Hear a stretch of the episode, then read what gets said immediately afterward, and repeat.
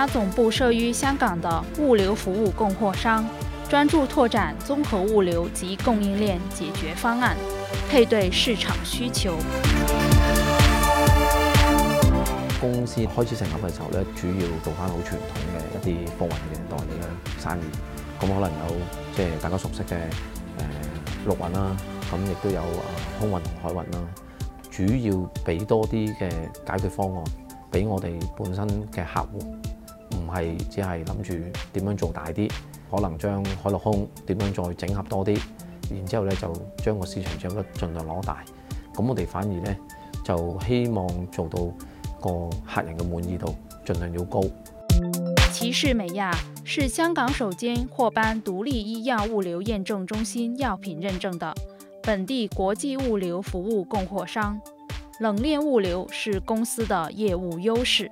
我哋亦都意識到成個範圍裏面喺温控呢方面嘅產品咧，係有呢個需求喺度，亦都個需求亦都睇到咧越嚟越大，睇到喺非温控底下去到控制嗰啲貨裏面產生嘅問題，或者產生我哋所講嘅不良品咧，係越嚟越多，亦都變咗意識到我哋覺得呢樣嘢係個機會。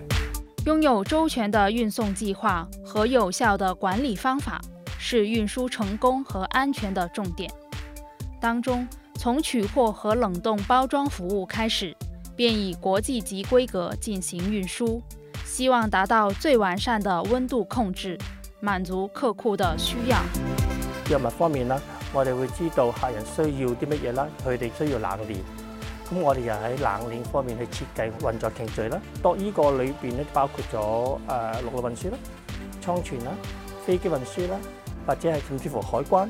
咁每一個環節咧，我哋都需要照顧得到嘅。我哋可以安排到咧一個實時嘅誒溫度追控嘅一個模式。當件貨物咧去到某一點咧，我哋想知道佢嘅温度，我哋係知道嘅。如果我哋知道個温度嘅風險，我哋嘅系統咧可以話得俾我聽，會有一個風險，我哋即刻去管理。礙於市場信息不足，以往香港傳統的貨運公司較少涉足非洲等地的新兴市场。“一带一路”倡议下，相关企业可透过相关网络，与潜在的商业伙伴建立合作关系，探索新兴市场的机遇。喺未有“一一路”之前咧，我哋都即系觉得香港主要嘅业务或者主要嘅销售对象咧都系美欧为主嘅。咁东南啊，诶有。咁，但係你話有咗一帶一路之後咧，其實我哋先至開始覺得，原來我哋喺即係南亞唔係好認識嘅，係啦。咁甚至你可能話，哦，純粹做普通嘅生意式。咁但係當你話要再去到啲地方，再即係諗進一步，可能要誒有啲合作啊，或者甚至有啲誒 joint venture 啊。咁呢啲咧，其實就以前都根本諗都冇諗過。喺呢啲地方裏邊咧，其實中國。同某啲嘅非洲國家或者好多數嘅非洲國家咧，都個關係都比較友好，即係大家個個感情好嘅時候咧，自然嗰個商流方面咧，亦都自然會帶動到。咁我哋呢一方面其實有商流，我哋自然就有物流噶啦。咁佢當佢即係一有一啲嘅誒商業上嘅運作，咁我哋自然物流就亦都會相對地都會比較好。咁但係而家咧，其實喺其他嘅我哋所唔係好認識嘅市場咧，其實我覺得都可以去到。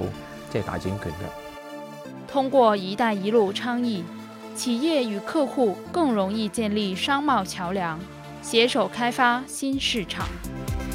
以前呢，我哋诶做越南咧，我哋只敢做到去个港口嘅啫。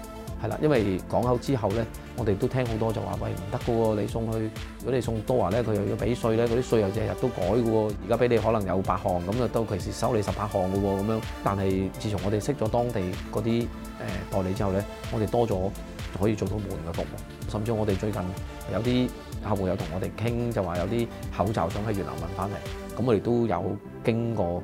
誒頭先所講嗰啲代理咧，去到查究竟本身誒係係咪真啊咁樣，咁呢啲都係透過我哋好多時候一定要一啲本身我哋所講嘅地頭蟲，咁要同佢合作，同埋同佢有一個深度合作，大家有深交嘅時候咧，咁佢先至可以幫你走去度做一啲嘢。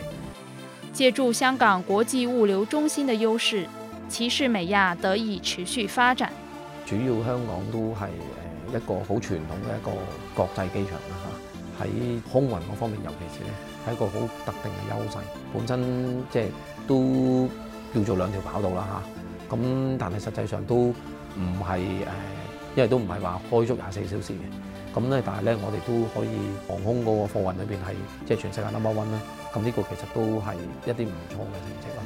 隨住我哋有三跑之後咧，應該個優勢咧可以更容易保持得到。香港贸易发展局的亚洲物流航运空运及会议 l m a c 汇聚全球物流及贸易伙伴，大会的网络让业界人士加强交流，探讨行业机遇。咁我哋相信嚟紧，我哋即系诶 AMMAC 咧，虽然佢多咗 A 字啦，呢一个亦都系我哋一个其中一个本业，只不过系增加咗一个内容。咁我哋一定会参与。